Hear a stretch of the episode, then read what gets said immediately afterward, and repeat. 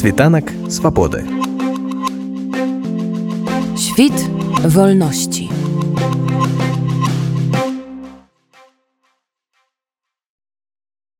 Спадар Алексей яшчэ год таму ну плюс-мінус некалькі дзён вы былі ў наваполацку і скажитеце калі ласка калі рабіць канспект тых падзей што адбыліся з вами за гэты час тых людзей з якімі вы сустрэліся тых гарадоў які пабачылі што гэта быў бы за канспекты якая там была б інфармацыя самое галоўнае что адбылося за гэты год это конечно что я з'ехаў з беларусі спачатку мне здавалася что я буду так э, туды-сюды бы курсировать что будзе магчымасць як бы быць і ў беларусі і ў літве у вільні куды мне запрасілі працаваць але на жаль выявілася что паколькі вот так размахваецца вось гэты рухавік рэпрэсій і шмат такія катэгорыі людзей якія зараз патрапляюць под пагроза арышту то есть ўжо бы паўгады як я не быў у беларусі і ну пакуль што цяжка зразумець калі змагу туды зноў патрапіць. Гэта зноў жа самае такое конечно цяжкае адчуванне асабліва для навукоўца даследчыка тому что там засталося поле з якімі прасую. Як сасоолог як бы засталася моя навуковая бібліятэка і конечно это вымушае бы наново збірацца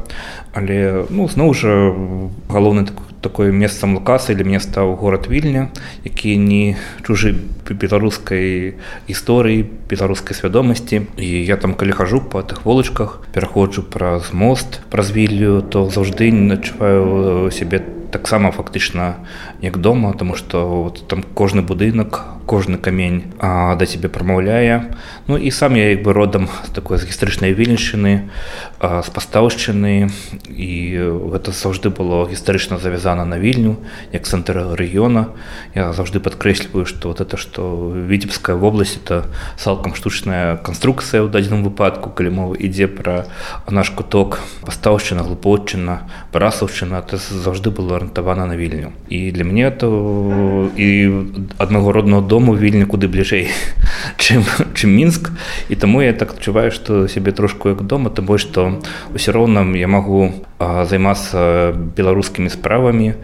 і гэта ну, конечно вельмі важна як бы быць у справе і быць як прафесіяналу таксама рэалізаваным хаця конечно у такіх вот складаных умовах у якіх зараз знаходзіцца і беларуская навука ў першую чаргу ёсць такая ў народзе думка што зачыняюцца маўляў адныя дзверы адчыняюцца іншыя. У вашым выпадку гэтая сітуацыя спрацавала ледзь не на гадзіны? Ну сапраўды там была сітуацыя што фактычна супала маё звальненне з універсітэта і пачатак вайны. Таму што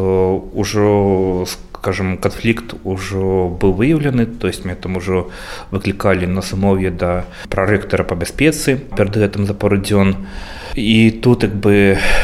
пачынаецца вайна як бы я сам знаходжуся конечно у такім вялікім эмацыйным стрэсе тому что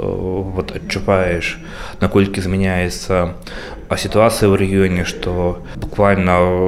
рушацца ўсе планы якія можна там было будаваць і ты разумееш што будуць трагічныя наступствы і для краіны як такой паколькі як бы саўдзелу агрэсіі не будзе пакінуты ў спакоі а міжнароднай супольнасцю і ты вось ты все рэчы разумееш такая трагедыя якая разгортваецца і у А в этот момент ты мусіш ісці на заняткі і э, вот праходзіш як бы аўдыторыю, а студэнты таксама ашаломленыя, тому што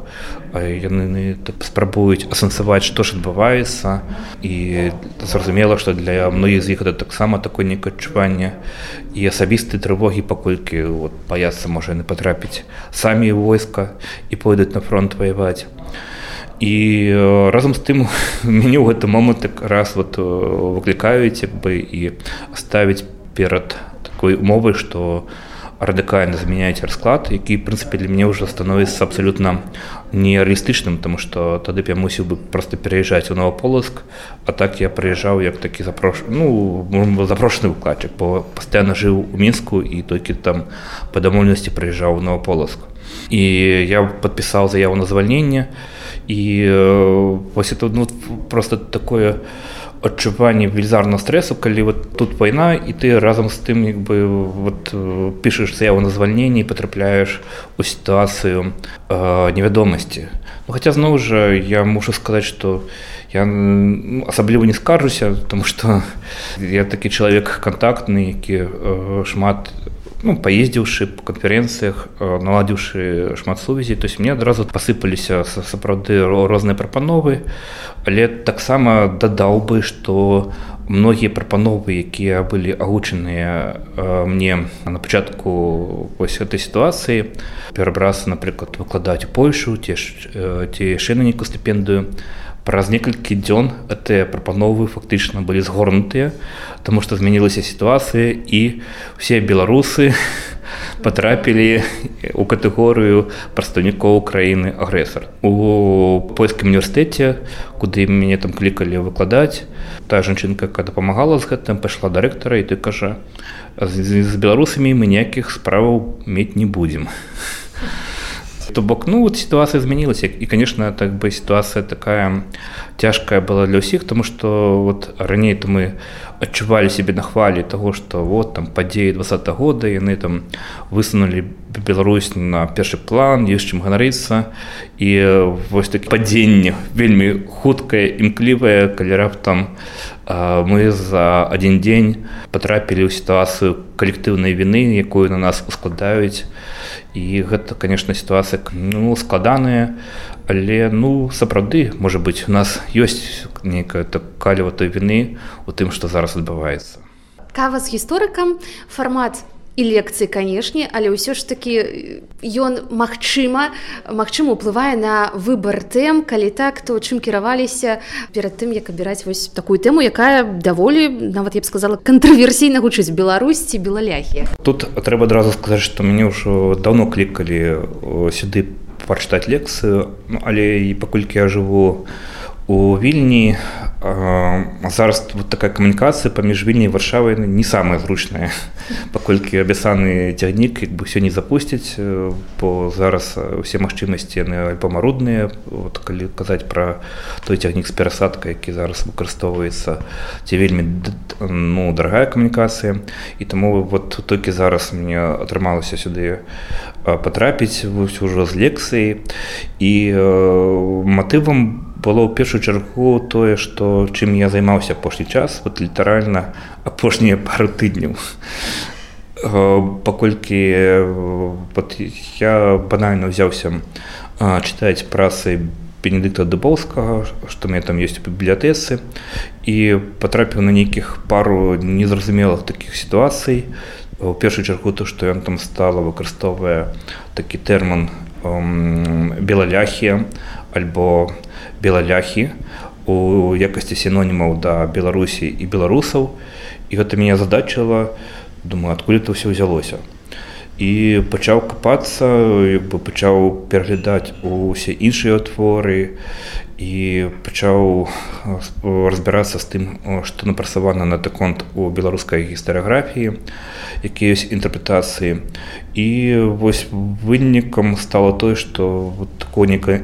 вельмі інтэнсіўна паглыбленне эту тэму што мне там просто захапіла і на чым я сядзеў гэты апошнія два тыдні што атрымалася зрабіць такую гіпатэтычную рэканструкцыю таго хто быў аўтарам загадкава артыкула Беларусь ці белаляхія які быў апублікаваны ў 1895 годзе у Львове. Гэты артыкул быў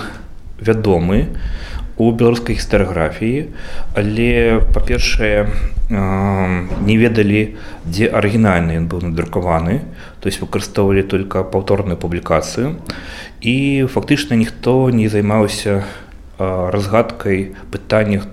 А хто аўтар это артыкула хто прапанаваў уласна замяніць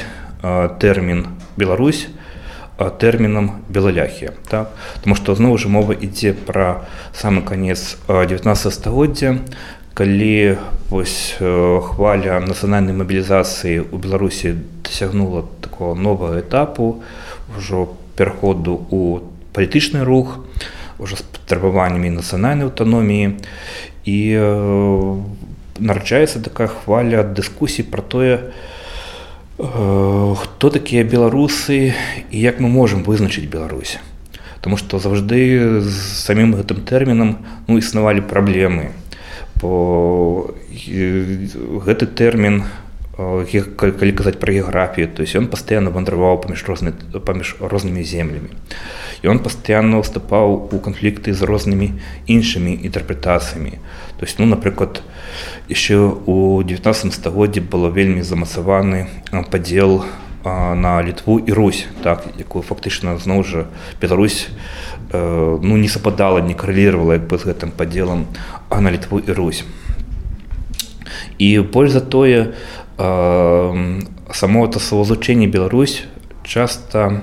выклікала пярэчанні, паколькі на думку многіх дзечаў нацыянальнага руху яно прывязвала нас да рассіі ну, по сваім ужываннем тэрміну Русь і спрабавалі выкарыстоўваць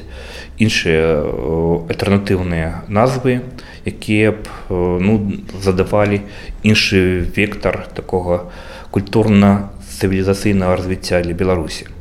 І мне падаецца, што само паяўленне канцэпцыі белаляхі трэба разглядаць менавіта ў гэтым аспекце. Таму што это сапраўды тое, што можна назваць праектам беларускай нацыянальнай ідэнтычнасці, Таму што мы тады бачым такое канцэптуальнае апісанне таго, адкуль паявіліся беларусы. Тут аўтар выкарыстоўвае логіку таго, што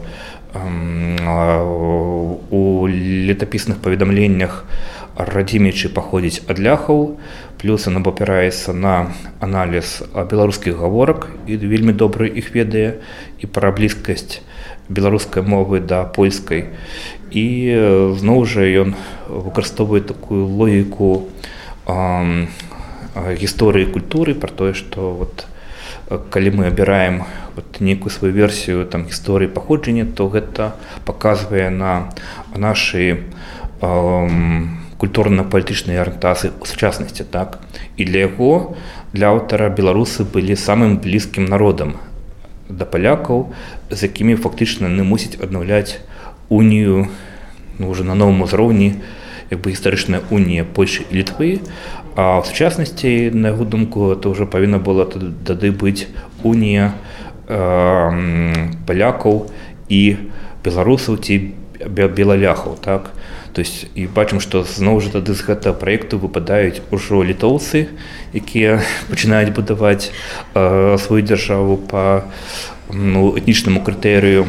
і э, украінцы ці зноў жа по тэрміналогіі аўтара гэта разумеем што это львоў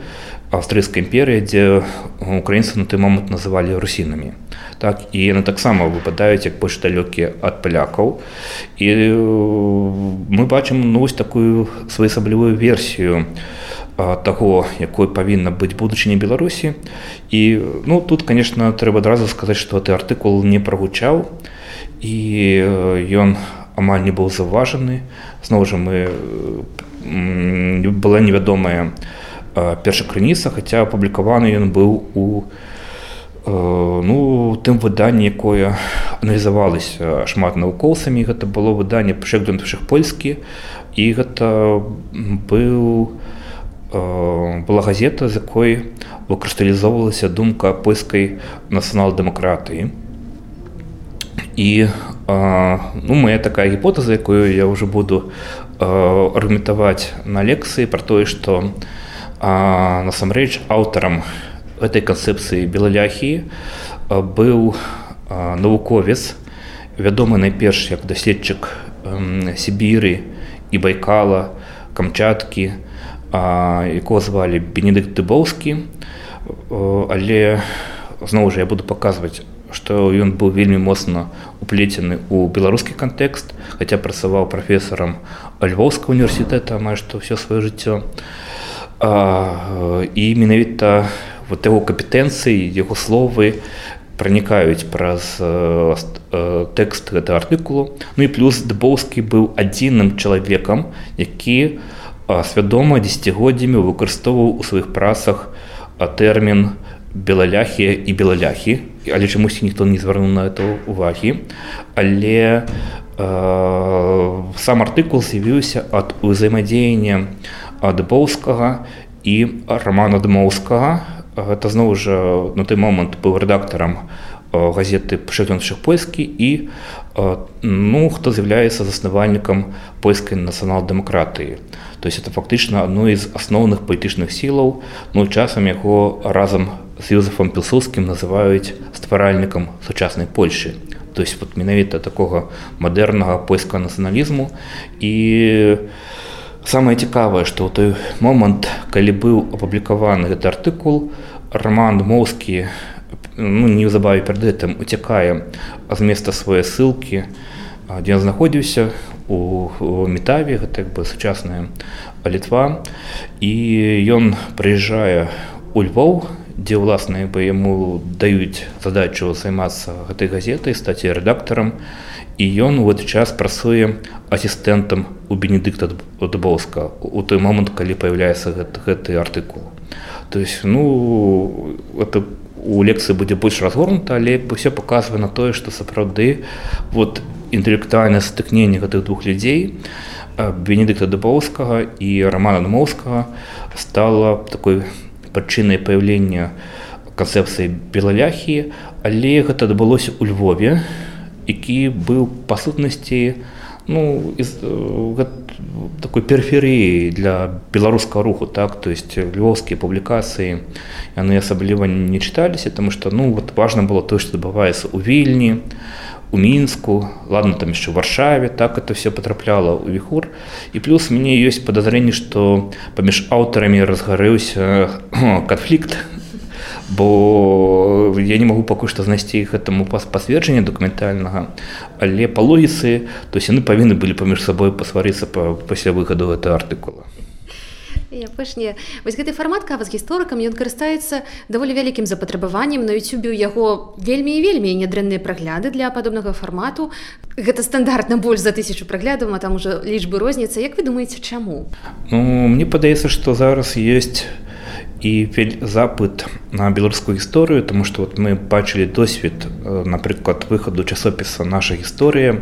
які спрабаваў данесці веды пра беларускую гісторыю у такім даступным папулярным фармаце але іх бы не просто такой папсою а сапраўды вот дзе ну працавалі вот выбітныя даседчыкі але яны просто пісалі тэкст каб яны былі дасяжнымі для шырокіх мас І вот поспех это часопіса калі он там выходзім там ну такімі ну вялізнымі накладамі там там 9 тысяч сягаў наклад прадэманстраваў што ёсць вялікая патрэба у беларусаў разабрацца са сваёй гісторыю і мы бачым зноў жа сітуацыю што зараз бы шмат людзей яны оказаліся на такім раздарожжы шмат хто выехаў з краіны. А, і яны пачынаюць як бы шукаць вот сваіх каранёў вот, ну вот, вот мы беларусы так? А што он быў нашай беларускасці? Што з'яўляецца і асновай фундаментам? І гэта таксама на мою думку штурхае людзей да такого да пошуку у тым ліку гістарычнай веды. І мы бачым зараз яшчэ адну сітуацыю калі ну так пагромлены афіцыйныя інстытуты па прадукцыі гістарычнай веды дзе шмат людзей пазвальнялася ну і многія з гэтых людзей якраз вот і бяруць удзел у гэтым праекце кава з гісторыкам і таму мне падаецца вот спалучэнне ты фактараў і абумоўлю вось такі інтарэс сапраўды ну калі хто не можа патрапіць то зараз ёсць тэхнічныя магчымасці можна глядзець і прамую трансляцыю можна глядзець і запісы і мне падаецца што это вельмі карысным і важным каб было была такая магчымасць пашыраць веды з дапамогай ну таких новых у магчымасці, якія дае нам сучаснае жыццё. Світанак свабоды. Świt wolności.